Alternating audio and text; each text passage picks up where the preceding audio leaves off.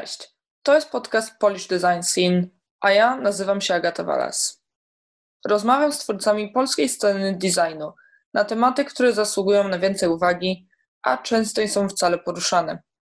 Tym razem zapraszam do wysłuchania rozmowy z Patrykiem Hardziejem. Pytałem Patryka o to, czego nauczył się od mistrzów projektowania, co sprawia mu największe wyzwanie w obecnej pracy i czy uważa, że zawód projektanta będzie pożądaną profesją w przyszłości. Zapraszam do wysłuchania.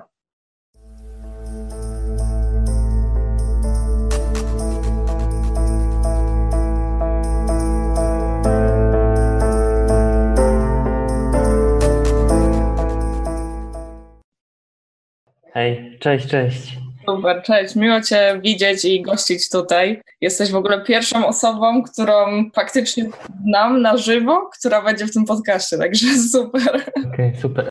Super. W ogóle mamy ten nasz koncept podzielony na trzy części: przeszłość, teraźniejszość i przyszłość.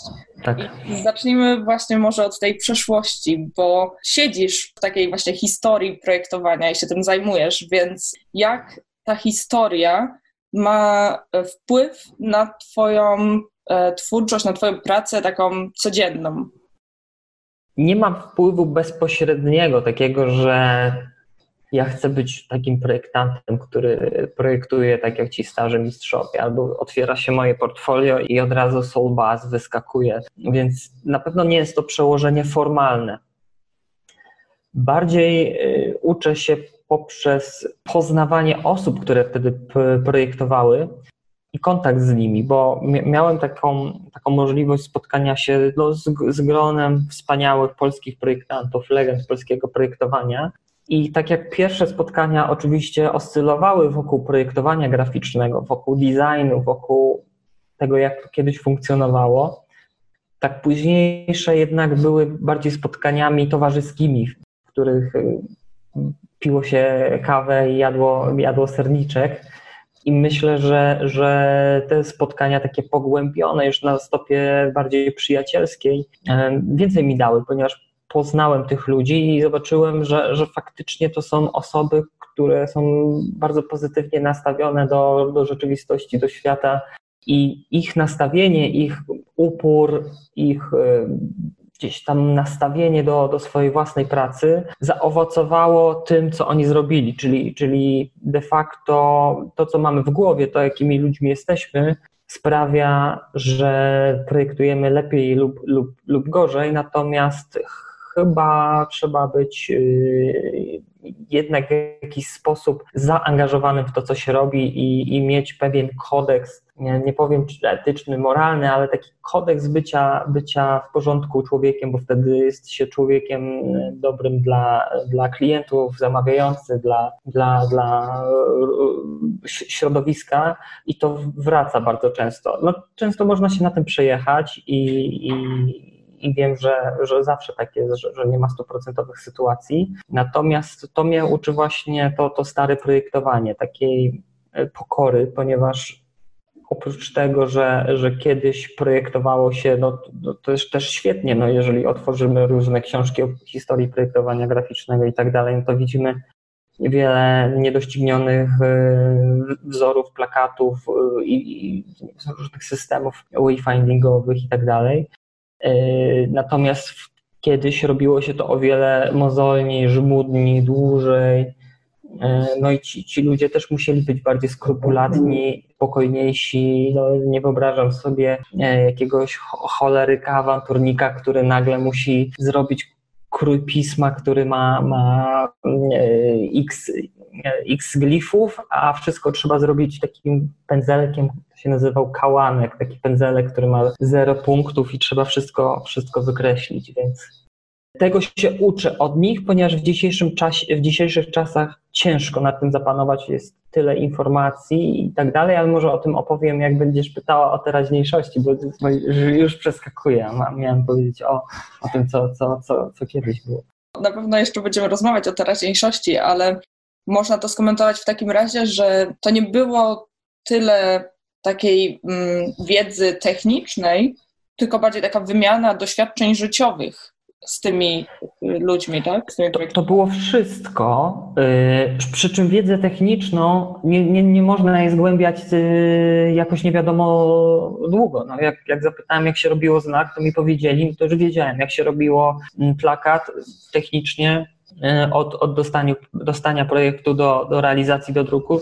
To, to jest yy, historia na chwilkę tylko więc, y, więc, więc nie, ma, nie ma tam y, się co, co zagłębiać. Natomiast historia stojąca za każdym projektem, historia stojąca za różnymi przygodami, czy, czy tam Karola Śliwki, czy Romana Duszka, czy Ryszarda Bojara, czy Jerzego Trojtlera, no to, to, to, jest, to jest tyle, tyle różnych historii, a oni jeszcze się znali, niektóre te historie były wspólne. W ogóle to jest niesamowita sytuacja.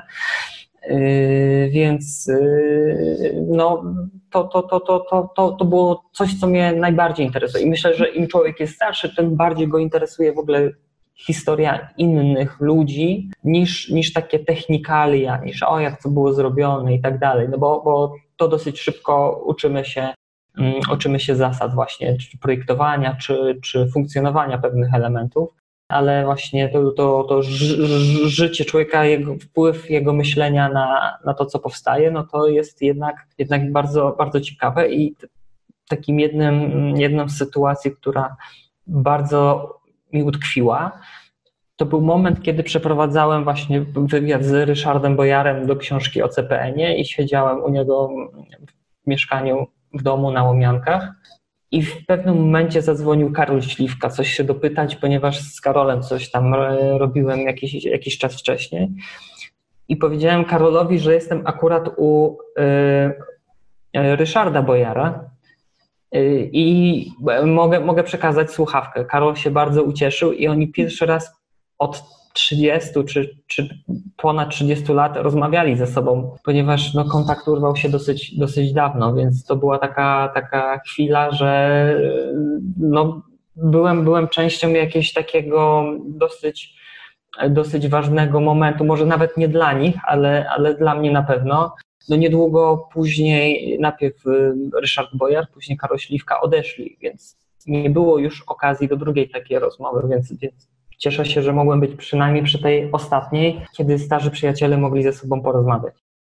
Muszę też się z Tobą zgodzić właśnie z tym, że jednak tych takich aspektów technicznych uczymy się w miarę szybko i wszystko, co później potrafimy wyczytać z projektu, patrząc na niego, czy właśnie um, używając go, czy jakoś czytając o nim, to jednak um, nie dowiemy się tego, jak on powstał czy co, co stało jakby za tym całym procesem, więc to właśnie te rozmowy z twórcami. Tak, a właśnie ten proces jest, to, to myślenie, ten, ten początek procesu projektowego jest najważniejszy. To myślenie, czemu to robimy. No, postawić sobie, można pytanie, można zrobić projekt, żeby tylko go zrobić, a można zrobić projekt, który ma jakiś sens. No i ja chciałbym zawsze robić takie projekty, które mają jakiś sens, nie zawsze to się udaje ale no, będę do tego dążył. Mam nadzieję, że, że e, gdzieś tam będzie, będzie życie na tyle łaskawe, żeby te takie projekty, których można się wykazać, mi, mi, mi dawać. No, a jeżeli mhm. nie ma takiej, takiej możliwości, no to właśnie to jest to, o czym, o, czym o, o co pytałaś, o ten powrót do przeszłości, to wtedy ja staram się sam inicjować pewne sytuacje, żeby yy, zrobić coś, co ma sens. A wydaje mi się, że dokumentowanie historii polskiego znaku graficznego czy grafiki użytkowej ma sens, przynajmniej dla mnie, więc, więc dlatego, dlatego w to brnę. A opowiedz kilka słów właśnie o, o tym projektowaniu, polskim projektowaniu lat 50., 60. czy 70. Co się zmieniło, jak to wyglądało kiedyś, a jak wygląda teraz? Czy widzisz jakieś takie zaskakujące różnice? No, zaskakujące różnice są takie, że wszystko było inaczej. I to znowu, jeżeli popatrzymy na projekty, można po, po, po, po mówić tylko i wyłącznie o takich formalnych sytuacjach, że, że o, bo plakaty były bardziej malarskie, albo oznaki były bardziej proste i tak dalej. Ale dlaczego tak było? No tutaj trzeba już, myślę, taki kontekst historyczny czy, czy społeczno-ekonomiczny wejść. Po pierwsze, po II wojnie światowej no, nastał okres PRL-u, więc y, kraj zaczął funkcjonować zupełnie inaczej. Zupełnie inaczej funkcjonowała gospodarka niż y, w krajach zachodnich. Więc to, co było tutaj ważne, znaczy ważne, to było rzeczywistością, to centralnie sterowana gospodarka, w której nie było ani za dużego pola do własności prywatnej, ani za dużego pola, żeby rozwijać się jako indywidualny artysta. Więc jeżeli ktoś był takim projektantem e, i chciał projektować robić znaki zlecenia, plakaty, książki, no to musiał być w Związku Polskich Artystów Plastyków. Do związku można było się dostać tylko będąc, mm, skończąc Akademię Sztuk Pięknych, więc gdzieś tam droga już była wiadoma. Jeżeli ktoś dostawał się na akademię, wiedział, że trzeba tą akademię skończyć, żeby być w związku, a w związku trzeba być, żeby dostawać zlecenia. A zlecenia trzeba dostawać, żeby przeżyć. Więc mniej więcej wszystko było określone łącznie z cennikiem, ponieważ był taki cennik związkowy i otwierało się e, otwierało się ten cennik i było tak, za plakat jest tam 1200, za, za znak graficzny jest 800 zł i tak dalej, i tak dalej. Wszystkie ceny były gdzieś tam wypunktowane więc nie było zaskoczenia, nie było takich sytuacji, że dzisiaj projektanci muszą się mierzyć z wycenami, nie wiedzą ile klienta policzyć, klient też nie wie ile wziąć za... Nie, wszystko było jasne, świat był prosty, było wszystko. Świat był też w ogóle chyba mniejszy, ten świat projektowy niż teraz. No nawet jeżeli popatrzymy na populację, populację, no to w latach 70. było o połowę mniej ludzi niż teraz.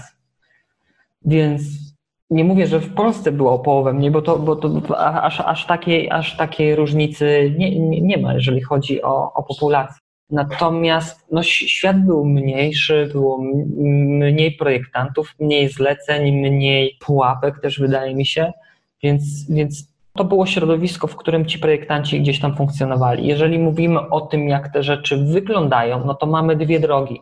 Polsce przynajmniej. Mamy drogę Polskiej Szkoły Plakatu, czyli tego fenomenu, który na całym świecie jest znany.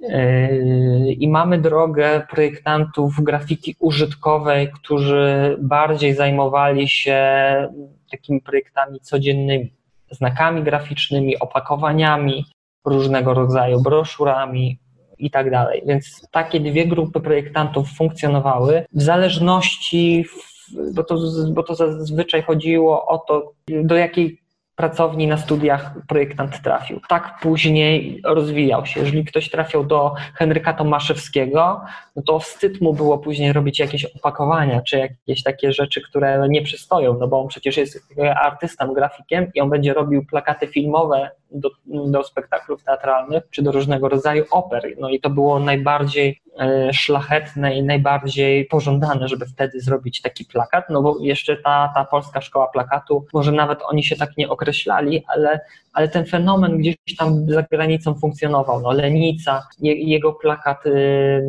jego, jego plakaty też są gdzieś tam na całym świecie znane.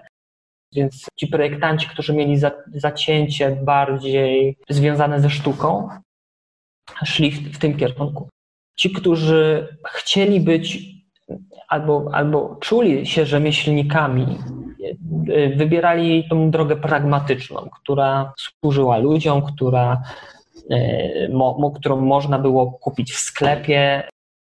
Wcale ta kompozycja na proszku do prania często nie była gorsza niż, niż kompozycja na plakacie filmowym. No ale proszek do prania można było za 5 zł w sklepie kupić, więc ranga projektu automatycznie spadała. Yy, natomiast no, są, są, też mistrzowie tego typu projektowania i, i po latach okazuje się, że, że niektóre projekty no, były albo mówi się ponadczasowe, albo tak do nich podchodzili, że, że, że, że mogłyby funkcjonować dzisiaj. Było też związane z z ograniczeniami technicznymi, więc oni, znaki były proste, ponieważ proste były maszyny drukarskie, proste był, prosta była technologia, wadliwa bardzo często, trzeba było unikać różnego rodzaju pułapek, znaki musiały być ciężkie, żeby, żeby się nie rozlewały na słabej jakości papierze. I tak dalej, i tak dalej, więc to wszystko było połączone i jednak wpływ na to miały jednak warunki społeczno-ekonomiczne tamtych mhm. czasów. Jeszcze um, mówiłeś trochę o, o tym aspekcie artystyczności um, w pracy tej projektowej. I tak się zastanawiałam, czy uważasz, że dzisiejszy, dzisiejsi projektanci odbiegają od tego, że chcą jednak postawić taką granicę. Nie, ja nie jestem artystą, ja jestem projektantem, a kiedyś każdy jednak czuł się takim trochę artystą. Co myślisz o tej sytuacji? Znaczy to też zależy o jakich projektantach mówimy i gdzie, bo, bo ty teraz akurat mieszkasz też w Londynie i z innym sposobem myślenia się spotykasz niż na przykład projektanci w Polsce, którzy, którzy mieszkają. Więc w Polsce, jeżeli wracając do tej, do tej przeszłości, to było tak, że faktycznie ten poziom artystyczny był najważniejszy.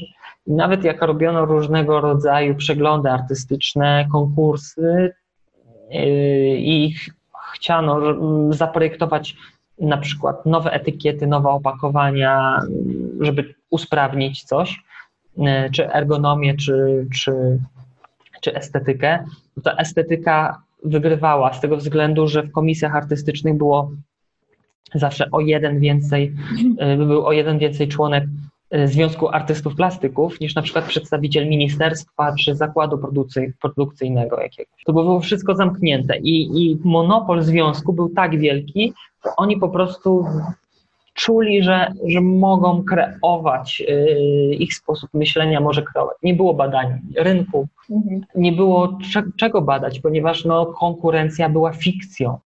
Mieliśmy na przykład trzy proszki do prania, ale te trzy proszki były produkowane przez jedną fabrykę, a zazwyczaj nie było tego proszku, no bo było wszystkiego za mało, bo państwo było tak ociężałe, że nie mogło nadążyć za potrzebami.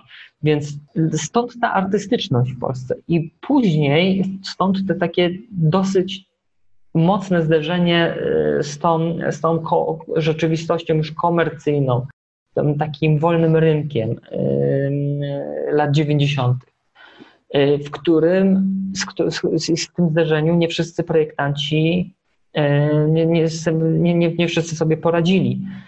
Starsze pokolenie bardzo często okazywało się, że nie, nie jest w stanie sprostać, nie jest w stanie zacząć pracować na komputerze, a na komputerach zaczęli pracować projektanci, czy technicy, czy komputerowcy, jak to wtedy nazywano, którzy nie mieli zupełnie pojęcia o projektowaniu, ale znali programy i mogli na przykład na tej pierwszej wersji Corela coś do druku wypuścić, a ten projektant starszego pokolenia, mimo 50 lat doświadczeń, mimo setek projektów zakończonych, nie był w stanie dostosować się do, do nowej rzeczywistości. Także poprzez swoje myślenie, że jest się artystą, jest się kimś wyjątkowym, robi się rzeczy bardzo jednostkowe i bardzo, e, bardzo o wysokim poziomie artystycznym, a okazało, okazało się, że rynek, który rośnie, potrzebuje czegoś, co działa, co przynosi pieniądze, co jest krzykliwe, szybkie, tak działała też reklama. No, jak oglądamy te reklamy z lat 90., no to, to, to są bardzo śmieszne produkcje, ale, ale w tamtych czasach z, z, zmieniono sposób myślenia. Nie, nie, już te, nie, nie Kieślowski już był ważny ten sposób gdzieś tam pro, produkowania obrazu filmowego, tylko jakaś taka reklama bardzo przaśna, w której coś wyskakiwało, w której nie, nie da się tego oglądać dzisiaj, ale ale no, to, to, były, to, były, to były takie czasy. Natomiast nie, nie w każdym kraju była taka, taka historia, bo na przykład Niemcy mm, mają bardzo dużą kulturę projektową, mają bardzo głęboką tradycję typograficzną i u nich to rozdzielenie designu oraz sztuki nastąpiło już praktycznie po wojnie. Z tego względu, że mimo, że Bauhaus był taką szkołą niemiecką, która, którą teraz wszyscy wiemy, o której wszyscy wiemy, designerzy o niej pamiętają, uczą się i, i, i wiemy, że takie zjawisko funkcjonowało i, i zmieniło projektowanie, które było sztuką i sztukę, która była projektowaniem, no tam nie było rozróżnienia. Sztuka była sprowadzona do czegoś, co dzisiaj jest projektowaniem, co, co jest funkcją projektowania graficznego. Bardzo często obraz funkcjonował także jako materiał na, na mebel. Moglibyśmy Modriana przenieść na, na mebel albo kolorystykę z obrazów Modriana na przedmioty użytkowe. To było wszystko w duchu Bauhausu. Oni, oni tak działali. To, to była jakaś jedność sztuk i w tym kierunku oczywiście uproszczonego sposobu kreacji na tym polu działali. Później, no oczywiście Bauhaus był zamknięty w 1933 roku, do władzy doszedł, doszedł Hitler, czyli znowu jakaś sytuacja polityczna się, się wydarzyła. No i te ruchy polityczne już nie chciały bazować na Bauhausie, bazować na tych takich dokonaniach nowoczesnych.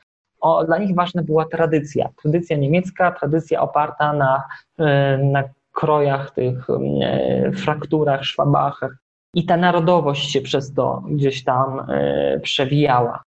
Więc naturalne było to, że po porażce Hitlera, po skończonej wojnie, na świecie mm, kierunek będzie taki, żeby odnarodowić projektowanie, żeby ono już nie było skierowane indywidualistycznie, żeby nie było związane z danym krajem, z daną, e, z daną sytuacją polityczną, z, danym, z daną ideologią. On, to, to projektowanie musiało nagle być uniwersalne, bo tylko uniwersalizm po pierwsze mógł połączyć ludzi z różnych krajów, żeby po tych działaniach wojennych w końcu mogli się dogadywać, a po drugie, yy, no, jednak było to skazane na porażkę, żeby gdzieś tam bazować na tym takim bardzo mocnym ja.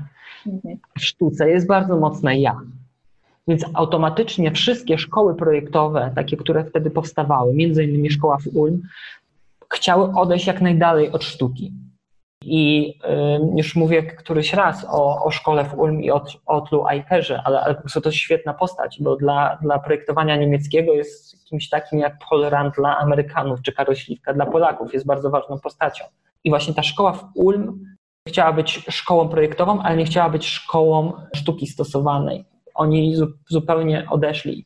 Kompozycja, kolor, teoria barw, wszystko było y, tłumaczone w sposób naukowy, techniczny, bardzo pragmatyczny. Nie było tam miejsca na moje widzimisię, więc w ten sposób też projektowania można uczyć. Moim zdaniem to jest gdzieś po środku, pomiędzy sztuką a tą techniką musimy znaleźć swoje miejsce. Myślę, że nie ma jednej, jednej, jednej odpowiedzi.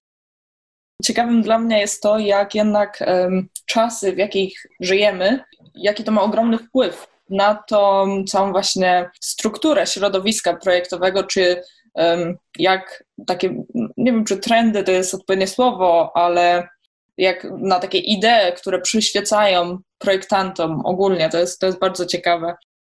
Trochę odnośnie przeszłości, ale już powoli wchodząc w tą teraźniejszość. Na przykład, gdy projektujemy znak, czy cokolwiek, gdy zaczynamy teraz projektować, jest chyba bardzo ciężko zaprojektować coś takiego zupełnie nowego, zupełnie oryginalnego dlatego że już tyle rzeczy zostało zaprojektowane i często projektanci, my też uciekamy do takich inspiracji, jakichś referencji, poszukujemy, przeglądamy te wszystkie książki, internet. Czy jest w ogóle możliwe zaprojektowanie czegoś takiego oryginalnego w dzisiejszych czasach i jakie jest w ogóle Twoje stanowisko do tej oryginalności? Y, nie jest to możliwe, dziękuję za uwagę. To jest moja opinia. Czyli co, odtwarzamy? Po prostu już nie jesteśmy takimi znaczy, autorami? Czy jak, jak to... Znaczy, to, to? To jest tak, że jeżeli będziemy myśleć o tym, żeby to było oryginalne, jednostkowe i że, nic takiego wcześniej nie, nie powstało, no albo nam się uda, albo w 99% przypadków poniesiemy porażkę i, i zaprojektujemy znowu coś, co ktoś jest zaprojektował, bo myślał, że to będzie przełamujące konwencje. Polrand coś takiego powiedział. Nie próbuj być oryginalny, próbuj być dobry. Bo okazuje się, że, że bycie dobrym, projektowanie dobrych rzeczy, nie nastawienie na super oryginalność już wystarczy, ponieważ to ma być coś użytkowego, więc jak no jeżeli popatrzymy na różnego rodzaju kroje pisma bezszeryfowe, no to dla normalnego człowieka, który nie jest obeznany z typografią, one są wszystkie takie same. Może okazać się, że one są dobre do jakiegoś E, do jakiejś funkcji. Jeden krój jest stworzony, żeby encyklopedię składać i ma glify, które w najróżniejszy sposób gdzieś tam w tej encyklopedii e, funkcjonują. Drugi będzie dobry, nie wiem, dla dzieci, ponieważ wielkość bazowa X jest akurat dostosowana do, na podstawie jakichś badań. One mogą gdzieś być podobne do siebie formalnie, bardzo, bardzo być, być blisko, natomiast no, każdy ma inną funkcję jeżeli byśmy chcieli projektować te kroje, żeby one były no nigdy nikt takiego kroju nie zaprojektował. No to możemy zaprojektować, ale on będzie do niczego, albo będzie do nagłówka przez pół roku używany, bo później okaże się, że trendy się zmieniają. I oczywiście nie mówię, że teraz, że, że ja tak nie robię. Ja też bardzo często chcę zrobić coś, co jest nowe. W sensie myślę, że po kilku latach coraz ciężej, ponieważ człowiek ma swoje jakieś przyzwyczajenia. Natomiast nie wiem, kupuję krój pisma, który wyszedł bo znajomy typograf tydzień temu wypuścił na MyFont czy na inną platformę i jeszcze nikt nie użył w projekcie. No dobra, to kupuję, używam i, i wtedy zobaczymy, nie? Czy, czy to, co zrobiłem, to jest, co za, za rok będzie można na to patrzeć, czy, czy, czy nie. Więc, więc tutaj jest y, jednak to ryzyko, że im coś jest bardziej autorskie, czym coś bardziej przekombinowane, tym, tym krótszy jest żywot takiego, takiego projektowania. Natomiast wrócę jeszcze do Twojego pytania, czy, czy, jest, czy trzeba korzystać z tego, co było kiedyś, czy, czy jesteśmy skazani na, na wtórność. Nie, nie wiem, czy jesteśmy wskazani, ale jeżeli popatrzymy na historię sztuki, czy historię projektowania graficznego, to jest sinusoida. Mhm. Jeżeli popatrzymy, że renesans był tak naprawdę repliką antyku tylko przy użyciu nowoczesnych technik, jeżeli popatrzymy, że neogotyk był repliką średniowiecza tylko przy użyciu nowoczesnych technik, to zobaczymy, że my też może jesteśmy teraz repliką jakiegoś modernizmu powojennego tylko przy użyciu nowoczesnych technik. Jeżeli jest przesyt, to nagle okazuje się, że chcemy uciec od tego i jeszcze kilka lat temu wszyscy chcieli być jak wszyscy chcieli być czy to ma być czyste, minimalistyczne, lekki cień, Produkty Apple'a chciały być jak produkty Brauna, które projektował Dieter Rams. To myślenie z produktu zostało przeniesione na myślenie o promowaniu produktu, czyli to było przeniesione w ogóle na grafikę aplikacje, nie aplikacje itd., tak itd., tak ale po kilku latach mm, okazywało się, że no, to są patenty, które ciągle są takie same, takie same bezszeryfowe kroje, które coraz to y, nowe firmy zamawiają, customowe rozwiązania, które tak naprawdę są, są, są identyczne. Jeżeli popatrzymy, nie wiem, na taki krój pisma, który zamówił Uber, no to jeżeli, nie wiem, wcześniej popatrzymy na y, kilka innych dużych rebrandingów, to okaże się, że to jest bardzo podobne. I myślę, że od dwóch, trzech lat mamy dosyć takie przełamanie w, w kierunku takim futurystycznym mocno i bardzo mi się podoba to, co dzieje się z literą. Ta litera znowu żyje, te, te znaki, które powstają, kroje pisma są tak pokręcone bardzo często. Jest to też wynik tego, że, że kiedyś typografią mogli się zajmować tylko nieliczni, którzy poznali tajniki. No dzisiaj, dzisiaj jak poznamy FontLaba czy Glyphsa, yy, trochę potrenujemy i już możemy zaczynać z, tym, z tą materią działać. Oczywiście ktoś tam kiedyś powiedział, no, że typografia to jest taka dziedzina wiedzy, że się amatorem całe życie i może w tym jest trochę racji, no bo, bo jednak, jednak tych glifów, liter, języków i tak dalej jest trochę, żeby to, to zgłębić. Natomiast no, taki autorski krój pisma jesteśmy w stanie z, zrobić, jeżeli gdzieś tam już jesteśmy projektantami e, świadomymi tego, co, co robimy i możemy tego, to, to pociągnąć. I to widzimy właśnie teraz, że jest bardzo tego dużo, to jest bardzo autorskie, indywidualne. Zrobiłem już przynajmniej kilka brandingów opartych na tym, co się dzieje teraz. Oczywiście te brandingi szybciej się starzeją niż te, które są oparte na jakichś takich uniwersalnych wartościach. Natomiast y, no myślę, że to też jest pewne nawiązanie, bo jeżeli popatrzymy na to, co robił Herb Lubalin kiedyś, to co on robił z literą, ze swoim kaligraficznym sznytem, z myśleniem o, o logotypie, który musi być z jednej strony tylko i wyłącznie literniczy, a z drugiej strony ma się cała historia w nim rozwijać, no to zauważymy, że ci projektanci do tego herba lubalina też bardzo często nawiązują i to jest znowu jakaś reminiscencja tego, co było kiedyś, a pewnie zaraz się to skończy i będziemy mieli znowu jakiś ultraminimalizm, więc żyjemy na takiej sinusoidzie i projektant musi się dostosowywać, tylko że te okresy dostosowywania już są coraz krótsze. Kiedyś to było na przykład 10 lat, później 5 lat, a teraz może się okazać, że co półtorej roku trzeba po prostu zmieniać swoje myślenie, bo inaczej będzie się starym dziadem projektowania, który nie będzie miał zleceń, bo jest już przestarzały, bo, bo nie jest w stanie wpisać się w to, co jest, co jest teraz. A to jest pułapka, bo albo się wpisujemy, a później się znowu wpisujemy i ciągle się zmieniamy, tracimy swoją tożsamość, albo działamy według pewnych swoich zasad, ale wtedy nie wiemy, czy to, co robimy, się sprawdzi, czy się nie sprawdzi, ponieważ no, jest dynamicznie i, i może się okazać, że jednak swój przestanek przeoczyliśmy. No. Czujesz, że musisz się wpisać w takim razie, że, czy jednak wybierasz tą drogę tego uniwersalnego takiego projektowania? Wszystko naraz. Wiesz co, wydaje mi się, że, że jeżeli wolę mówić o ogółach jakichś, czy, czy na przykład komuś doradzać, bo widzę konkret, a na przykład najgorzej siebie gdzieś tam zanalizować, zweryfikować.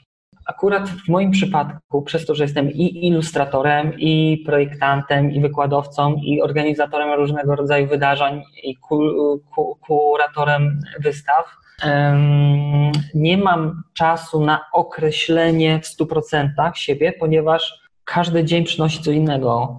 Mhm. Każdy tydzień to inny projekt z innej dziedziny. Może gdybym siedział nad ilustracjami codziennie, mm, na przykład w tygodniu 5 dni, i w tych tygodni jest 52 w, w, roku i wyprodukowałbym rocznie no przynajmniej te 52 ilustracje. Załóżmy, że jedną tygodniową bym robił, bo, bo bym chciał, żeby to było skrupulatnie i jakoś e, z, zrobione z, z rozmysłem.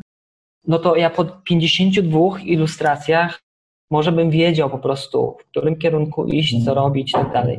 A jeżeli ja robię na przykład jedną ilustrację miesięcznie, pół brandingu, pół wystawy i dwa kursy, to to jest tak rozszczepione, że aż tak mi nie zależy, ponieważ ja nie czuję wtedy, nie wiem, jakiegoś odpływu zleceń czy coś, bo zawsze jest coś do roboty.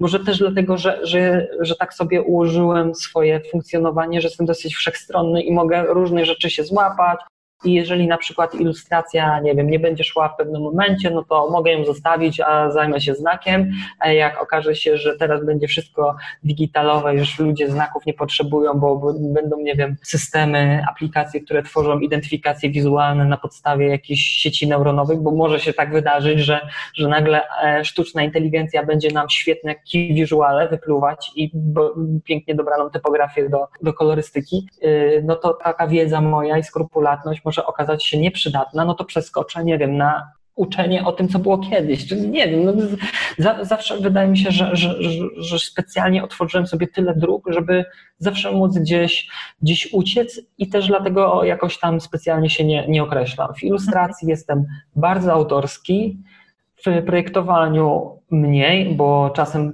to jest projektowanie w teamie. Bardzo często projektuję z Adą Zielińską, moją, moją dziewczyną bardzo często projektuję w większym teamie. Był taki czas, że w studiu siedziało z 4-5 osób i robiliśmy różnego rodzaju wydarzenia.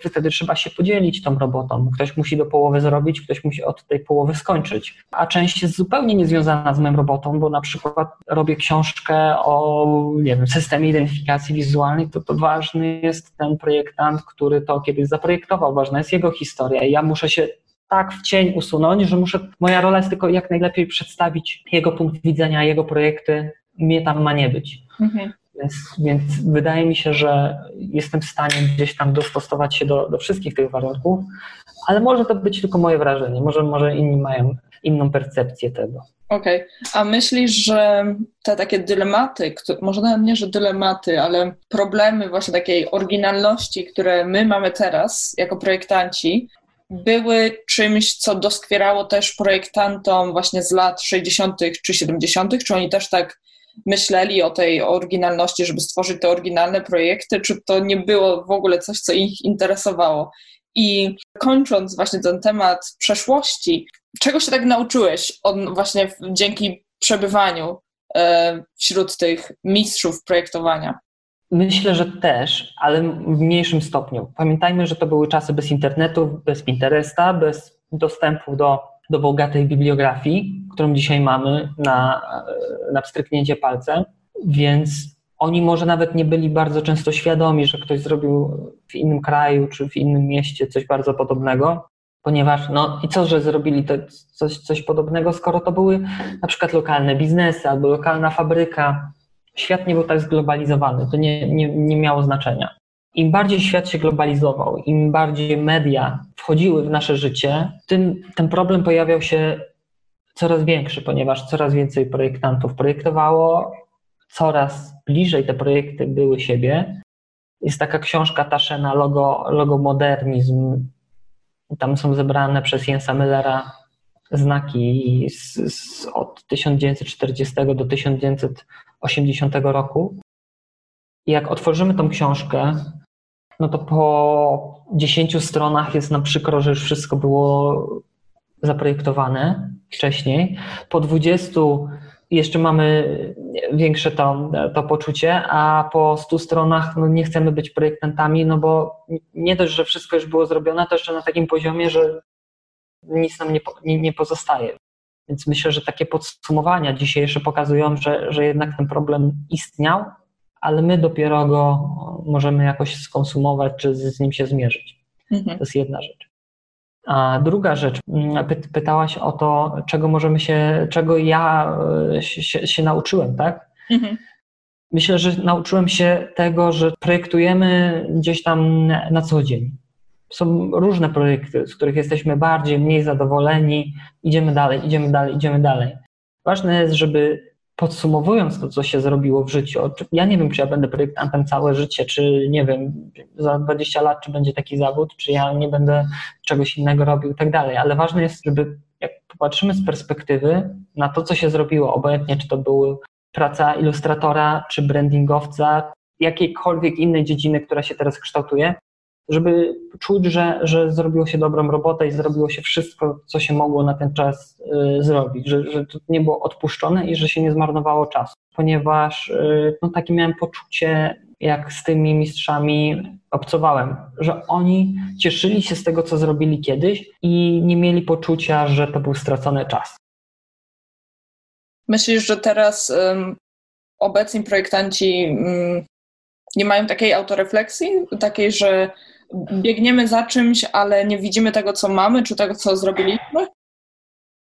Projektowanie się zmienia. Moim zdaniem ten typ projektanta, do którego może ja pretenduję i o którym mówię, możliwe, że już odchodzi do lamusa.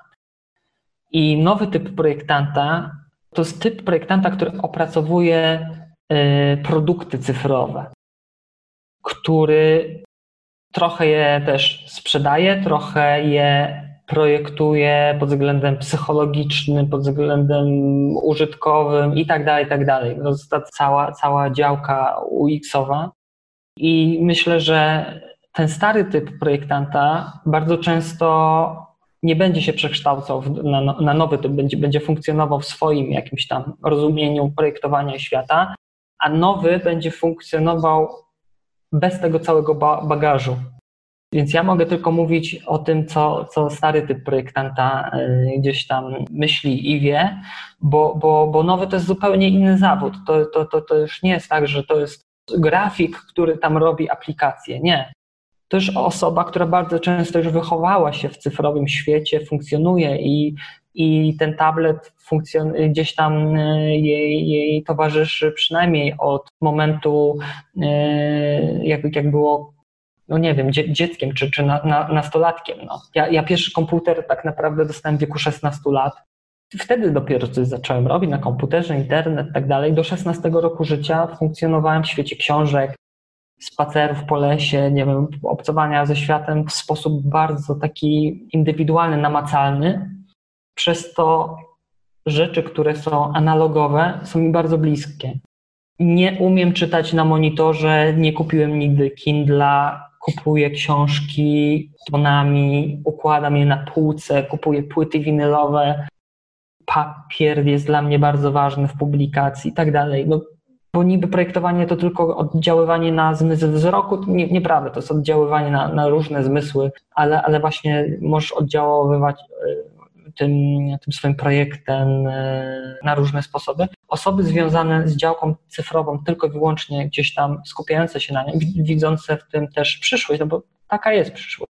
Nie, nie, nie ukrywajmy, że to, to jest, to jest nasza przyszłość. To jest nie dość, że teraźniejsza, to jest już, już przyszłość i nie, nie uciekniemy od tego. Nie mówię, że, że książki znikną, e, bo myślę, że bardzo długo jeszcze książki czy takie no, takie rzeczy jak płyty winylowe te, te też myślę, że będą dosyć długo, bo, bo jednak ludzie są do, do przywiązani do, do rzeczy, ale, ale będzie tego coraz mniej i to nie będzie rewolucja. czy nadal fundamenty projektowania będą takie same? Zależy jak, o jakich fundamentach mówimy, bo te fundamenty pewnie mają kilka poziomów.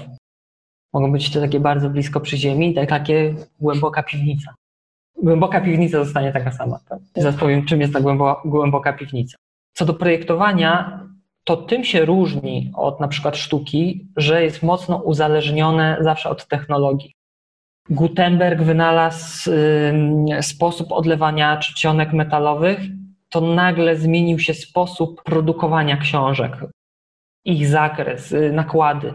Oczywiście pierwsze książki udawały te manuskrypty. Może jesteśmy teraz w momencie, kiedy nasze narzędzia cyfrowe udają ten świat, który znamy gdzieś tam, chociaż już skeumorfizm już dawno za nami, gdzie chcieliśmy pokazać wszystko w najbardziej naturalistyczny sposób na płaskim, na płaskim ekranie, chociaż jakieś takie tendencje skeumorficzne widziałem, że jako trendy powracają co, co jakiś czas, ale też nie jestem specjalistą w tej dziedzinie.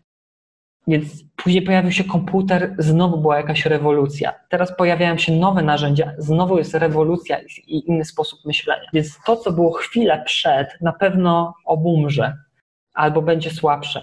Więc na przykład placówki naukowe, placówki edukacyjne, które nie są na to przygotowane, będą miały dosyć duży problem, ponieważ będą uczyły projektantów nadal tego starego typu, którzy może pięknie zrobią plakat, może będą znali y, jak się robi fotografię, jak to przełożyć na druk, y, na przykład dodając pantona i wydrukować na, na takim albo nie, innym papierze, będą miały taką wiedzę, ale, ale nie, nie do końca jest, są w stanie przekazać taką wiedzę, która zmienia się tak naprawdę z roku na rok czy z miesiąca na miesiąc. Myślę, że projektanci muszą być teraz bardziej samodzielni, żeby wyłapywać no, to, to, co się dzieje, ponieważ na pewno edukacja nie da już im takiego pełnego pakietu, jak to kiedyś było, że po wyjściu na przykład z akademii albo z jakiegoś uniwersytetu, który projektowania uczył, mieliśmy ten pakiet profesjonalnego projektanta i przynajmniej przez następne 10 lat mogliśmy jechać na tej wiedzy. Teraz już idąc na studia, uczymy się wiedzy, która jest już gdzieś tam prze, e, przeterminowana i musimy sami własnymi środkami, siłami albo zapisywać się na różne kursy, albo nie wiem, szukać tutoriali, albo pracować w miejscach, w których się nauczymy pewnego, pewnych, pewnych rzeczy. Więc y, nie pamiętam już, jakie było pytanie, ale doszedłem do tego, do, do takiej konkluzji. Jeszcze miałeś powiedzieć o tej e, głębokiej piwnicy. Aha, głębokie fundamenty zostaną takie same, ponieważ głębokim fundamentem jest komunikacja. Jeżeli się dokopujemy do głębokich fundamentów i pozostawiamy, czy nam się kolor taki podoba, czy nie, czy taki font, czy nie, no to dochodzimy do tego, że tak, są pewne proporcje, które działają, a które nie działają. Coś musi być większe, coś musi być mniejsze. Są pewne napięcia, to w takim generalnym ujęciu jest stosowane od prehistorii poprzez średniowiecze, renesans, modernizm, XX wiek do dzisiaj. Pewna baza, która musi taka być, ponieważ my odbieramy y, oczami, to jest filtrowane przez mózg, a te mózg i oczy, one się nie zmienią y, lada dzień. No to, to przecież człowiek ewoluuje tysiące lat, setki tysięcy lat. Yy, więc, więc ta ewolucja jest bardzo wolna. I dopóki, dopóki nie zmienimy sposobu myślenia, postrzegania rzeczywistości, pewne takie reguły gdzieś tam rządzące naszą rzeczywistością będą dla nas oczywiste. No dlatego, nie wiem, ciągle ludzi fascynuje złoty podział, a on też występuje w naturze i jeszcze tego nie zgłębiliśmy do końca, ale czujemy, że to jest w ogóle jakiś kod rzeczywistości nieznany i tak dalej, więc to, to, to jest podstawa. No. Rzeczywistość, matematyka, geometria przekładająca się na te kompozycyjne napięcia, y, i, i, i, I w projektowaniu zawsze to było blisko sztuki projektowania, takich aspektów wizualnych, a, a, drugie to jest komunikacja. No zawsze będziemy chcieli przekazywać pewną informację. Wyłapujemy, albo my jesteśmy po prostu y, po to, żeby komuś przekazać tą informację. Oczywiście projektanci będą coraz mniej potrzebni w takich bezpośredni przez, przez rozwój social media, każdy może sobie informacje na własną, na, sam, sam przekazać, zrobić stories i już nie potrzebuje projektanta, którego by jeszcze 20 lat temu zatrudnił, żeby mu plakat zrobił i później na co drugim słupie w mieście rozwiesił jakieś wydarzenie. Nie, nie, teraz, teraz mając zasięgi możemy zrobić yy, informację, słuchajcie, jest taka i taka sprawa, taka i taka impreza, taka i takie wydarzenie o tej godzinie, i zajmuje nam to 15 sekund. Mamy odzew, mamy osoby, które są zainteresowane y, danym, daną sytuacją, y, więc, więc nie musimy polegać na, na projektancie. Natomiast jeżeli projektant nadal musi być gdzieś tam w tym, w tym łańcuchu, no to jego rola jest taka, żeby to, to usprawnić, nadać kopa tej informacji. Mamy plik Wordowy, a my mamy z tego pliku Wordowego zrobić wrażenie, mamy, mamy wpłynąć na czyjeś emocje. O to, o to gdzieś tam chodzi, chodzi w projektowaniu. Czy to jest na papierze, czy na e, ekranie, czy na czymś innym, no to jest in, in, inna historia.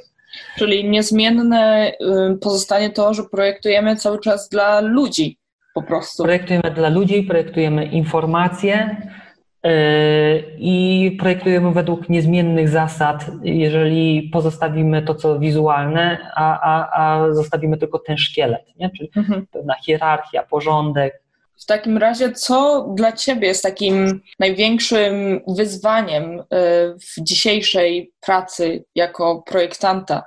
Wiadomo, zajmujesz się też różnymi dyscyplinami, ilustracją, projektowaniem znaku, brandingu, trochę taką działalnością researchową. Co, co jest takim największym wyzwaniem? Największym wyzwaniem jest znalezienie czasu na to wszystko, bo w pewnym momencie już się nie myśli o, czy ja zrobię lepiej coś, czy gorzej, no bo wiadomo, że jak będę więcej robił, to zrobię lepiej, a jak mniej, to zrobię gorzej.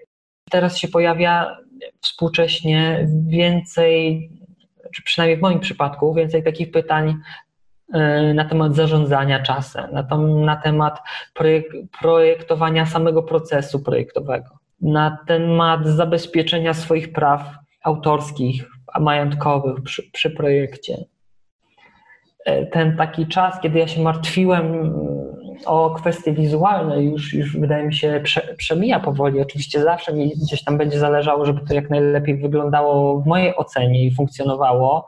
Y, różny jest skutek tego i, i, i człowiek po prostu musi się z tym pogodzić, że jak zaczyna być projektantem, no to, to czuje taki przypływ, że teraz to on zmieni świat i co drugi projekt czuje się taki progres i to ego rośnie i jeszcze jakieś nagrody wpadają, no to można obrosnąć w piórka, ale po pewnym czasie, jak się już zdaje sprawę, że że no przede mną może jeszcze no kilkanaście, kilkadziesiąt może lat projektowania, więc nie, muszę, muszę się oszczędzać. Może trzeba więcej spać, może trzeba to jakoś sensowniej, sensowniej rozplanować, może trzeba się tym projektowaniem podzielić z innymi, no to, to inne rzeczy przychodzą do głowy. Nagle okazuje się, że nie jest się mistrzem świata i nigdy się nie będzie, bo, bo też grzebiąc w tej historii projektowania, no, no ręce opadają. No, już, już na pewno większość z nas nie będzie tak sprawna technicznie jak ci mistrzowie, którzy kiedyś projektowali. Oczywiście mamy inne, inne możliwości. Możemy też robić coś, czego oni by nie zrobili nigdy, ale przychodzi ten moment, kiedy człowiek musi się pogodzić ze swoimi ograniczeniami. Y, no i w, ty, w tym momencie tych badania ograniczeń no, schodzimy trochę na ziemię i myślimy o pragmatyce, czyli właśnie tych, tych umowach, zarządzania, za, za, zarządzaniem czasem i tak dalej, znalezieniem może czasu też na poczytanie czegoś, czegoś, co może nie jest związane z projektowaniem, a otwiera umysł. Myślisz, że to jest taki naturalny proces um, rozwoju? Tak, to się nazywa starzenie, tak. Okej, okay. to może starzeje się szybko, w, mo w, moim przypadku to już chyba mnie powoli dopada. Um, ucieknę się teraz tutaj do mojej notatki, dlatego że w jednym z wywiadów, które um, kiedyś, e, w którym kiedyś wystąpiłeś, powiedziałeś coś takiego, że um, czas pokazuje, co się sprawdziło, a co nie w projektach i e, jaki projekt się obronił. Czy patrząc dzisiaj na swoje projekty, czy jesteś w stanie opowiedzieć o jakimś takim projekcie, który przetrwał tą próbę czasu w tym dobrym znaczeniu, albo takim, który właśnie się nie sprawdził? Czy jest może zbyt wcześnie, żeby je tak oceniać? Znaczy, moim zdaniem jest zbyt wcześnie, bo to można dopiero jak jakaś pewna epoka się zamknie, kolejna się otworzy, nie wiem, może z perspektywy 20 lat można określić, co tak naprawdę się zadziało w czasach, w których żyliśmy, no bo nie jesteśmy w stanie teraz bardzo mocno, e, mocno określić. To jest trochę jak, że jeżeli, nie wiem, pomyślimy sobie, jak ludzie się ubierali, jaki był styl i muzyka w latach 70., mamy to. W latach 80., mamy to. W latach 90., mamy to ale jak już pomyślimy o, o latach dwutysięcznych, no to nie przychodzi nam aż tak mocno, to nie, nie, nie wykrystalizowało się to jeszcze. Mhm. jeszcze. Czasy, w których żyjemy teraz są za mało zróżnicowane od tego, co było 10 lat temu na przykład. Więc ja nie jestem w stanie też, też jakoś, jakoś y, po, po podsumować. Oczywiście pewnie się sprawdziło to, co dalej funkcjonuje, na przykład mimo, nie wiem, 8-10 lat funkcjonowania, czy, czy, czy jakiegoś nawet krótszego okresu czasu, niż to, co się nie, nie, nie, nie sprawdziło i nie funkcjonuje. Jest trochę znaków, które ja kiedyś projektowałem, pracując jeszcze na etacie. Żaden chyba nie funkcjonuje z tych, z tych znaków, które gdzieś tam robiłem jako, jeszcze student, ale już w pierwszej pracy swojej zawodowej. Wszystkie brandy mają nową twarz, nowy znak, inaczej funkcjonują. Natomiast y, projektem, który gdzieś tam kontynuuje co roku, jest y, na przykład Gdynia Design Days. I tutaj szkielet festiwalu zbudowany jest tak, że on opiera się na znaku, który kiedyś zaprojektowałem, i znak jest niezmienny. Zmienia się identyfikacja wizualna, która wpisuje się w ten znak. Więc mogę przetestować dwie metody, nawet jeżeli okaże się, że za dwa lata jakaś edycja już się zestarzała, to nie mogę tego powiedzieć o znaku, ponieważ on jest zrobiony w ten sposób, że mógłby funkcjonować w latach 60. i w 70. i dzisiaj, i pewnie, i pewnie za, za, za kilka lat też, ponieważ tam no, oprócz połączenia pewnych kółek, kresek, w, pewien skrótowiec, który ma się na, na, ma nawiązywać do modernizmu, do architektury gdyńskiej, to, to, to, to, nic tam więcej nie ma, więc, więc ciężko to gdzieś tam, nie ma tego indywidualizmu. Więc to się albo to się raczej nie zestarzeje, po prostu komuś może, nie wiem, nie przypaść do gustu, może to zmienić kiedyś. Natomiast zanim ten znak powstał, festiwal funkcjonował już kilka dobrych lat i miał kilka znaków i organizatorzy śmieli się, że to jest biennale znaku, ponieważ co dwa lata był zmieniany nowy symbol, ponieważ poprzedni już okazywał się nie, nie, nie do końca funkcjonalny, czy, czy taki, który może sprostać, udźwignąć kolejne edycje i, i, i zmieniano, i zmieniano, aż, aż, aż ja zaprojektowałem ten znak, który jest tym tłem, i wtedy każda edycja może być inna, ale w oparciu o coś, co jest bardzo takie no, kl klasyczne, oparte na tych wzorcach połączenia koła, kwadratu i tam nic więcej nie ma. To jest bardzo ciekawe, bo właśnie z Mateuszem Antczakiem poruszyliśmy też właśnie kwestię tego projektu e, w poprzednim odcinku. To jest w ogóle też ciekawy projekt, dlatego że jak mówisz, że on używa tych samych fundamentów, ale przybiera trochę inną postać.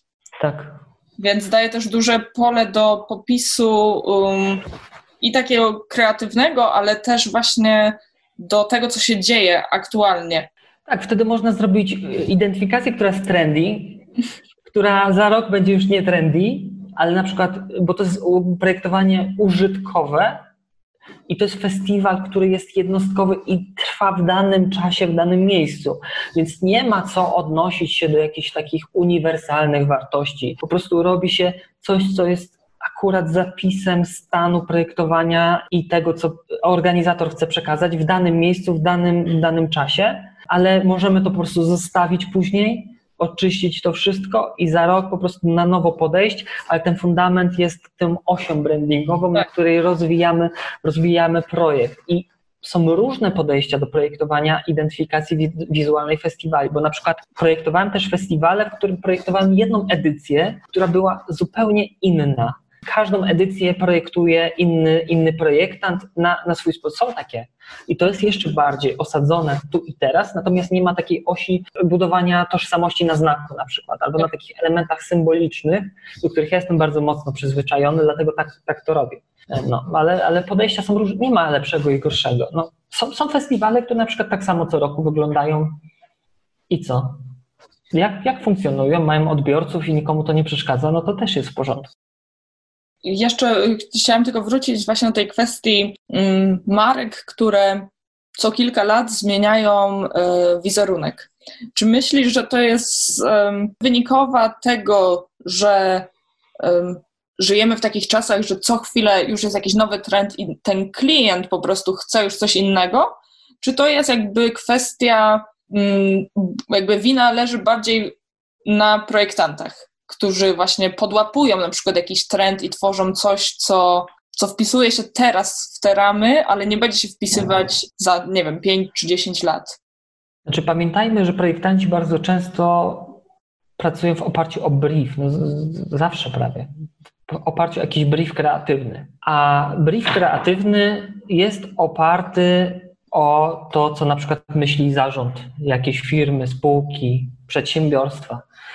I decyzję, jaką podejmie zarząd, słupki, które przedstawi księgowy i tak dalej, wpływają na to, na ten kierunek, na tą strategię, którą chce dana firma przyjąć. A projektant ma tej strategii sprostać. Więc oczywiście są firmy brandingowe, które zajmują się od początku, czyli na przykład od, od, od tego momentu, że nie dają zarządowi i prezesowi yy, pola na myślenie o tym, co, co on chce zmienić, tylko analizują te wpływy, analizują strategię poprzednią firmy i, i da, dają nową strategię yy, razem z nowym brandingiem na przykład, bo na przykład branding jest częścią, czy rebranding jest częścią nowej strategii. E, natomiast no, to, to, to, to, to bywa bardzo rzadko, no i trzeba mieć dosyć duże pieniądze, żeby, żeby na taką e, agencję trafić. No, myślę, że Pentagram, który już dziesiątki lat funkcjonuje, mimo że bardzo często patrzę na te projekty Pentagramu, one są bardzo poprawne, one są do bólu poprawne, są zrobione tak poprawnie, że bardziej poprawnie się nie da, i, ale nie ma tego czegoś, co by sprawiało, że to jest super, że w ogóle mówię, ale ekstra projekt, przełomowy, ale one takie nie mają być. Bo właśnie o to chodzi, że to będzie działać. Nie? I, I myślę, że pentagram wie o co chodzi, chociaż yy, gdzieś tam możemy rozmawiać, co się bardziej podoba komuś, co mnie, mnie i tak dalej, no to to już kwestia jest, jest myślę, że, że, że już na, na, na inną rozmowę. Yy, na, natomiast yy, no jeżeli ta strategia wychodzi od firmy, która nie, nie ma kompetencji, żeby myśleć o swoim wizerunku, tylko myśli o jakimś wyobrażeniu swoim, no to różnie można, może, mo, w różne strony może to podejść, yy, iść. No czasem może okazać się, że nawet firma wie, co chce, ale trafi na wykonawcę, który nie, nie, nie niskszy między nimi, no to też tam może coś pójść nie tak. Więc jest dużo wynikowych, dużo sytuacji, w których coś może pójść nie tak, no i dopiero to idealne połączenie może, może zadziałać projektem, który później dłużej jakoś przetrwa, albo bo, bo teraz nawet nie chodzi o to, żeby projektować coś, co ma być ponadczasowe czy długowieczne. Teraz trzeba projektować w ten sposób, żeby można było łatwo adaptować, łatwo to ma być zmienialne. Już projektujemy na przykład znaki, które y, zawsze w księdze znaku były określone, mamy takie e, pole wokół znaku, do którego nie można ten, a sygnet będzie w takiej i takiej odległości od, od logotypu i to jest to święte. Nie, nagle się okazuje, że ten sygnet, logotyp mogą latać, inne treści się pojawiają, że y, na, na telefonie nie mamy tylu, tyle miejsca, żeby po prostu te wszystkie zasady z księgi i znaki znaku połączyć i musimy zupełnie inaczej y, nasz brand, brand opracować, więc myślę, że ta elastyczność jest teraz bardzo ważna. I myślę, że projektanci, agencje, które będą celować w elastyczność, w robienie elastycznych systemów wizualnych, myślę, że, że będą miało więcej klientów niż te, które właśnie proponują bardzo sztywne rozwiązania, które faktycznie później trzeba za 2-3 lata zmienić i tak dalej, i tak dalej. No niektóre firmy zmiany mają w DNA, na przykład popatrzymy na, na Pepsi, na Coca-Colę, no to widzimy, która się opierała na swojej tradycji i na tym wypracowała swój język, a która opierała się na tym, że trzeba trafić do nowego odbiorcy, do nowego jakiegoś tam. No ale no, jedna i druga jest wielomiliardową korporacją, więc pytanie, czy są tutaj zwycięzcy przegrani. Nie, to są po prostu dwa, dwa sposoby myślenia dwa różne podejścia, ale podoba mi się właśnie ta uwaga on, odnośnie tej płynności, bo tu w sumie też jakby można właśnie wrócić nawet do Twojego projektu Gdynia Design Days, które też używa tą płynność na swój sposób. Więc to jest, to jest ciekawe bardzo. Um, no można, chociaż jak go wymyślałem, to były jeszcze czasy przed tym, jak ta płynność była aż tak potrzebna, no bo to gdzieś tam już, już chyba z 5 czy 6 edycji zrobiłem, no ale jednak od 2014 roku świat się zmienił dosyć mocno świat projektowy zmienia się właśnie w bardzo szybkim tempie i tutaj mogę trochę nawiązać do tego, co powiedziałeś wcześniej o tym Instagramie, że e, teraz każdy może być twórcą na Instagramie, otworzyć e, stories, dodać e, trochę tekstu, jakiś obrazek i mamy plakat. Czy w takim razie myślisz, że ten zawód projektanta i sami projektanci, czy my nadal będziemy tak potrzebni światu, czy, czy jednak nie? Czy w związku z tym rozwojem właśnie technologii taki mhm, mhm. klasyczny projektant będzie tak. nadal tak e, potrzebny światu? Ja już kiedyś odpowiadałem na, na takie pytanie i moja odpowiedź była, że będziemy potrzebni chyba trochę mniej, ponieważ ta demokratyzacja sprawi, że każdy troszkę będzie projektantem. I to już się troszkę dzieje teraz, ponieważ widzieliśmy przy okazji ostatnich protestów w Polsce, jak ważny jest komunikat wizualny, y, żeby wyrazić swoje obawy, emocje, uczucia, to, co ma się w głowie, frustrację. I oczywiście projektanci profesjonalnie projektowali różnego rodzaju komunikaty. To było bardzo często projektowanie takie zaangażowane społecznie, które, y, które niesie jakąś, jakąś treść, natomiast to ciągle profesjonalne. I to nie miało takiego, y, takie, takiego rażenia, jak te kartony urwane, na których ktoś flamastrem napisał to, co myśli. A że my trochę jesteśmy już przeprogramowani przez to myślenie, na co dzień widzimy dziesiątki memów, w internecie jest tyle informacji, że bardzo często krótkie komunikaty, które są trafne, są, są lepiej przyswajalne, to też takie hasła zaczęły pojawiać się na tych kartonach. Krótkie, dowcipne, trochę jak ze świata memów i ludzie z tym kroczyli.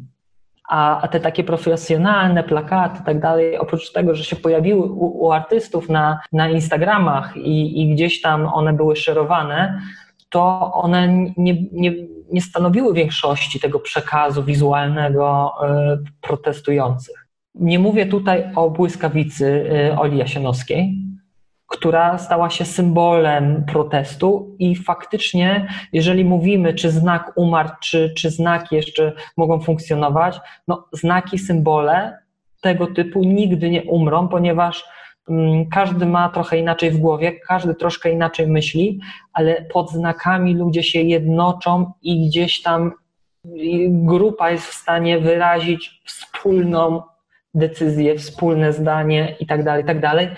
Więc znaki w naszej kulturze, cywilizacji myślę, że też są elementem stałym i nic tego, nic tego nie zmieni. Nie?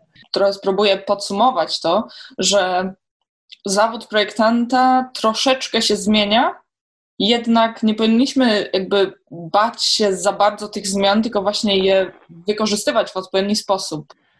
Nawet no nie, nie, nie powinniśmy się bać, tylko nie możemy się bać niczego, no, ale też nie możemy niczego wykluczyć. Y, mówię, ja mimo tego, że teraz jestem w takim etapie życia projektowego, że nie mam czasu na nic. Jestem tak zarobiony projektami, że, że po prostu współczuję, współczuję czasem sobie, że, że w ogóle tego czasu na spanie, na jedzenie, na rozwój intelektualny nie ma, bo się tyle pracuje, ciągle jest coś do zrobienia.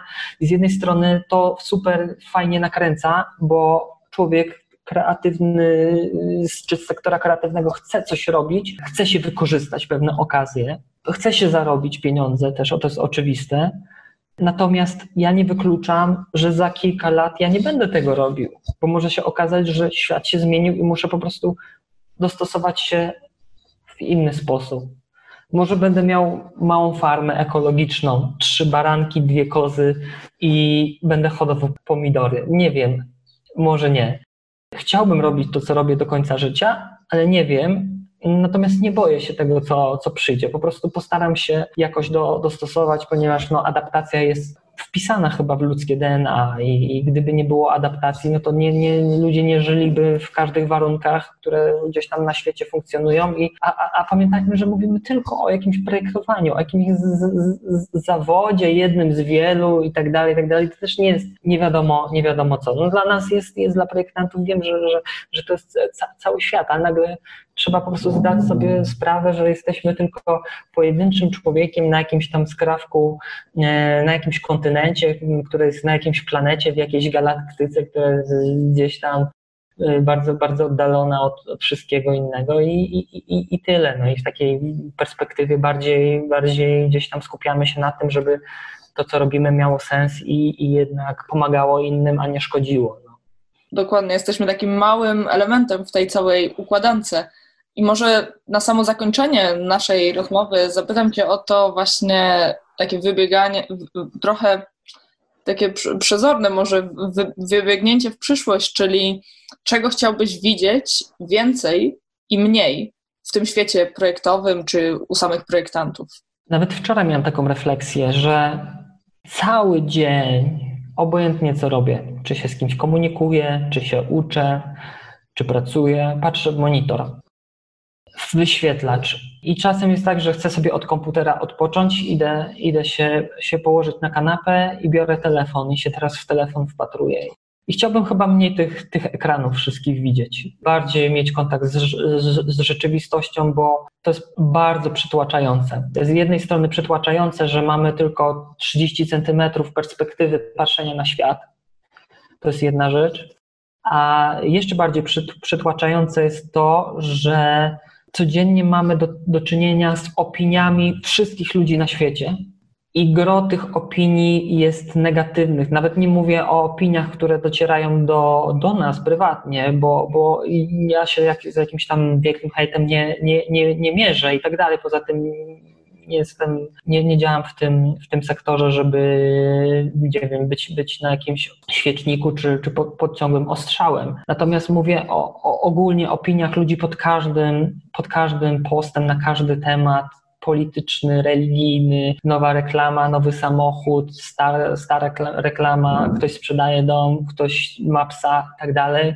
I większość z tych opinii jest negatywna i po prostu karmimy się po prostu jakimiś negatywnymi opiniami y, anonimowych ludzi i to wpływa na naszą, naszą percepcję postrzegania świata, który okazuje się miejscem jakimś złym, niedobrym, którym każdy gdzieś tam negatywnie na siebie patrzy i tak dalej. Yy, I, i, i tego chciałbym o, o, o wiele mniej. Przyjmowania tego typu treści, może po prostu to jest też kwestia, że social media są tak skonstruowane i po prostu trzeba sobie częściej dawać wolne od tych social mediów i, i tyle, no i będzie, będzie w porządku jest taki natłok, straszny natłok um, informacji właśnie tego negatywizmu, nie wiem czy w ogóle takie słowo istnieje, ale taki aż nasze głowy właśnie funkcjonują w takiej bańce, tak? Po prostu tego, co się dzieje tak. Nie, nie mówię tu o jakiejś takiej krytyce, ponieważ um, oglądałem jakiś czas temu jakiś wywiad ze Stanisławem Lemem z lat 60. I Stanisław Lem, żyjąc w świecie, w którym pisało się listy, w którym nie miało się bezpośredniego feedbacku od tak, od wszystkich na świecie, napisał list do jakiegoś rosyjskiego pisarza, wysłał swój tekst z prośbą o krytykę. Chciał się spotkać y, z osobą inteligentną w jakimś sporze. I dzięki temu oni mogli gdzieś tam wygłosić różne, znaczy zanalizować dany, dany tekst czy daną informację w, w różny sposób. Ja sobie pomyślałem, że teraz jest to nie do pomyślenia, żeby ktoś chciał się konfrontować, że ktoś projektuje coś, tworzy, pisze, tylko dlatego, żeby skonfrontować z innym sposobem myślenia, ponieważ teraz jest to za darmo i, ten, i ta konfrontacja jest na tak niskim poziomie, że, że to chyba nie ma, nie ma sensu szukania takiej krytyki. Niepokoi mnie też to, że w ogóle taka krytyka designu profesjonalna obumiera. Tak jak kiedyś, przez to, że istniały profesjonalne czasopisma o projektowaniu, można było przedstawić jakiś y, sposób myślenia w artykule. Później krytyka tego artykułu była przedrukowywana w następnym numerze. To było wszystko na poziomie, poparte bibliografią, poparte badaniami, poparte y, różnego rodzaju sytuacjami formalnymi.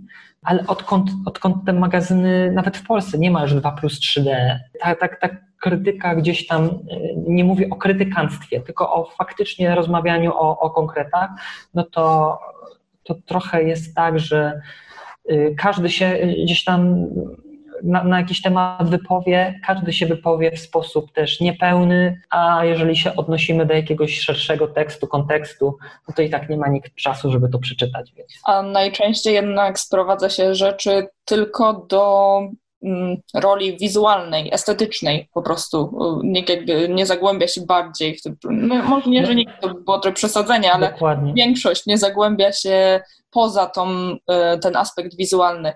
Mm, aż sobie musiałam też zanotować Twoją wcześniejszą wypowiedź odnośnie właśnie tych 30 centymetrów perspektywy patrzenia na świat e, przez trzymanie telefonu, bo tak mi się spodobało też to, jak właśnie to ująłeś słowa. Myślę, że to jest, to jest na pewno coś, nad czym warto się zastanowić. Tylko właśnie tutaj powstaje pytanie, jak my jako projektanci, co my faktycznie możemy zrobić?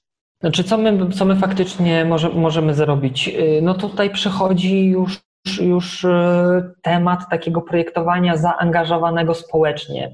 Temat projektanta, aktywisty, który nie tylko siedzi przy komputerze i robi tu, tutoriale i, i nowe efekty w After Effectsie, tylko faktycznie myśli, y, do czego jego ręce, jego talent, jeżeli ktoś uważa, że coś takiego jak talent istnieje, e, mogą być przy, przy, przydatne. No i mamy też wiele przykładów, że projektanci, którzy coś zaprojektowali gdzieś tam e,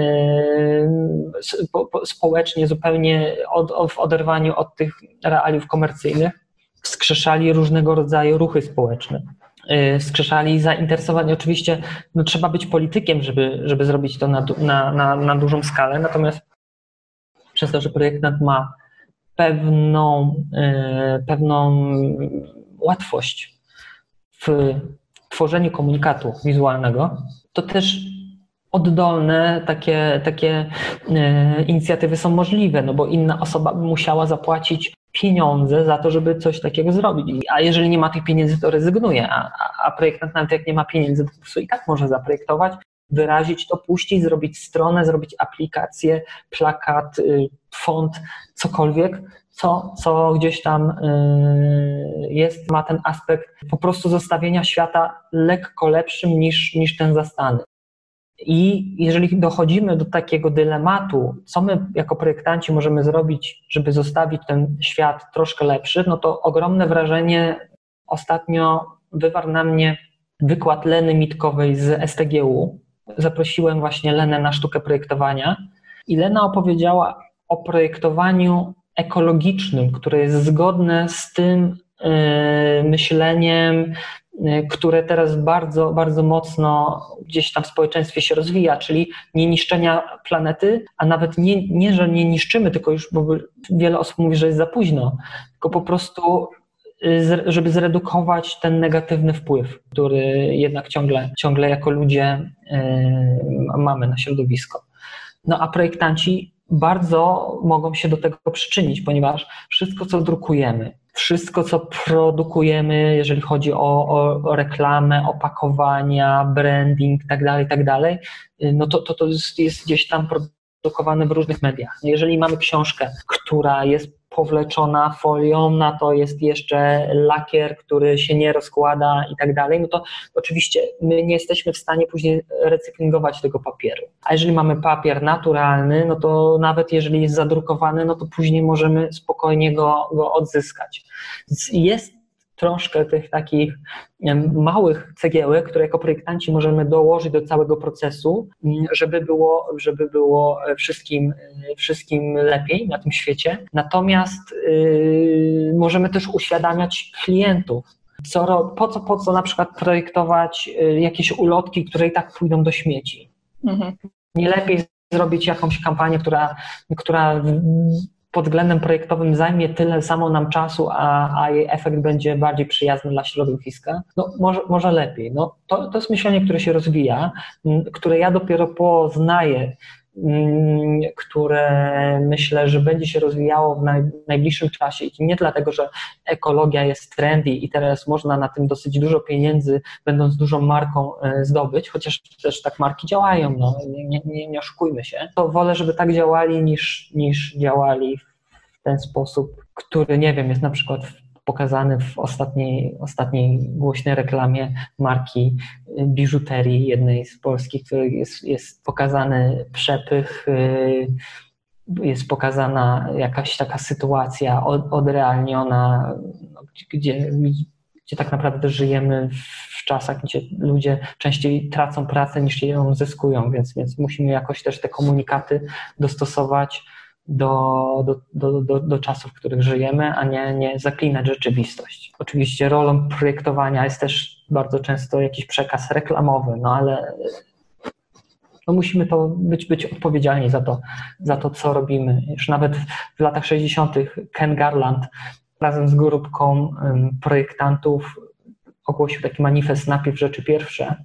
Oni już się wtedy nie zgadzali na to wykorzystywanie projektanta do celów tylko i wyłącznie jako, jako narzędzie, jako, jako ten ktoś, kto ma wykonać jakąś robotę, żebyśmy my zarobili pieniądze. No bo nie po to projektanci tyle się uczą, nie po to zdobywają wszechstronną wiedzę o rzeczywistości, żeby później sprzedawać karmę dla psów tylko i wyłącznie. Myślę, że to bardzo pięknie podsumowałeś i myślę, że to będzie fajny moment, żeby zakończyć naszą rozmowę. Mam nadzieję też, że ludzie, którzy wszyscy będą słuchać tego materiału, wyciągną jakieś wnioski i, i zastosują je w, w swojej praktyce. Może nie, może, może lepiej ich nie stosują, bo okaże się, że to coś, co się u mnie sprawdza, komuś może, może gdzieś tam się nie sprawdzić. Natomiast, yy, natomiast no, cieszę się, że mogłem gdzieś tam swoją perspektywę przedstawić i, i jakiś sposób myślenia. E, no takie, takie rozmowy też są, myślę, dla mnie bardzo ważne, ponieważ y, ja sobie porządkuję wtedy. Jak, jak, coś, ktoś, jak, jak coś się wypowie, to to słowo ma jakąś taką moc już y, stwórczą, jak, jak jest wypowie, wypowiedziane. A jak jest w głowie, no to ciągle, ciągle gdzieś tam się obija, więc jak wygłosiłem kilka może bardziej lub mniej trafnych opinii, no to, to sam sobie gdzieś tam podsumuję to wszystko, o czym mówiłem, więc, więc też dzięki za tą możliwość.